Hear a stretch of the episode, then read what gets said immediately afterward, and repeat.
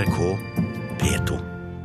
27 år etter at det skjedde, fenger drapet på Olof Palmås fremdeles.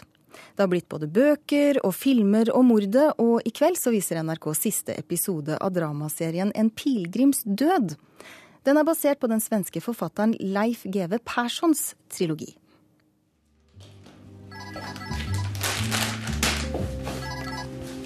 Ja, Bäckström. Om du har något av vikt att komma med Bäckström så är det din plikt som kollega. Om man, om man är så jävla intresserad av att höra vad jag säger så föreslår jag att han ringer upp mig själv. Plikt. Ska du tala med mig om plikt din jävla rövknullare? Du har väl för fan aldrig följt några plikter i hela ditt förbannade jävla... Tala om för den lappjäveln att han Jag ringer mig tolkar det direkt. som att du inte vill prata med mig. Han är ur balans. De som är så jävla tjock kan väl knappast vara ur balans. Han påstår att han har någonting om mordet. Ja, der hørte vi en liten snutt fra dramaserien En pilegrims død. Og Leif GW Persson, du er med oss fra studio i Stockholm. Du er mannen bak bøkene, altså denne trilogien Velferdsstatens fall, som er eh, utgangspunktet for serien.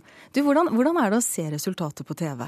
Ja, jag, jag har inte varit inblandad i vare sig manus eller filmarbete men, men jag har inga invändningar mot resultatet. Jag, jag tyckte det var en eh, både underhållande och spännande serie. Har du sett eh, alle episodene selv, eller? Ja, just precis. Men jag, jag såg dem aldrig innan de visades i tv utan jag, jag såg dem precis som alla andra tv-tittare. Så du var helt vanlig publikum? Ja, visst, visst. Jag tyckte det var en poäng att vara det för en gångs skull. Så, men, eh, så når du satt og så på dette her, så kom på en måte alt som en overraskelse på deg òg? Ja, eh, för att det är ju, alltså det är ju det är en viss skillnad mellan att skriva tre romaner va? och att skriva fyra timmars tv-film. Så att alldeles oavsett om, om grund, grundhandlingen är densamma så, så kan det bli ganska stora skillnader i det sätt på vilket man ska berätta sin historia.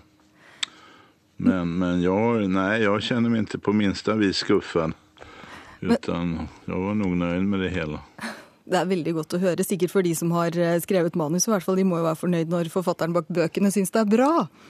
Ja, det händer inte alltid kan jag säga. Men du, seriene og bøkene de handler jo om mordet på statsminister Olof Palme i, i 1986. Men for de som ikke har sett eh, episoden eller serien på TV eller lest bøkene, hva, hva går historien din ut på? Ja, den eh, anledningen en- enligt mina romaner då, det är att han har, han har utsatts för en konspiration av eh, mindre omfattning eh, med, med personer i hans närhet som egentligen har till uppgift att, att vaka över hans säkerhet. Va? Men, eh, de har istället då passat på tillfället att ta livet av honom. Och det där är ganska vanligt när det kommer till mord på personer som Olof Palme, alltså politiska förgrundsfigurer, att, att, att det vanliga, en- den enskilt vanligaste förklaringen till att de råkar illa ut är att de har, har fallit offer för en konspiration i sin närhet. Så at det er en, en innsidejobb? Ja, ungefär så. Alltså det, det finns mycket som talade för att de som, den eller de som mördade Palme hade, hade vetskap om att han skulle ge sig ut på stan den där kvällen. Det var den sista februari 1986. Han skulle gå på bio med sin fru och att när han gjorde det att han inte skulle ha några livvakter med sig. Men du, hur mycket är då egentligen sant, och hur mycket är fiktion?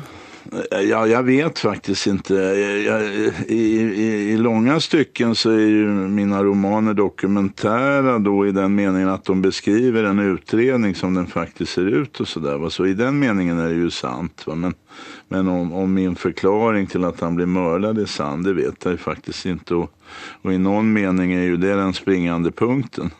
Jag, jag, kan väl säga så här att Eh, Eh, här, eh, utredningen av mordet på Olof Palme den är ju ett gigantiskt frågetecken. Va? Det är faktiskt det, det är världens största polisutredning till att börja med om vi, om vi räknar en eh, antal nedlagda timmar och antal sidor i utredningen.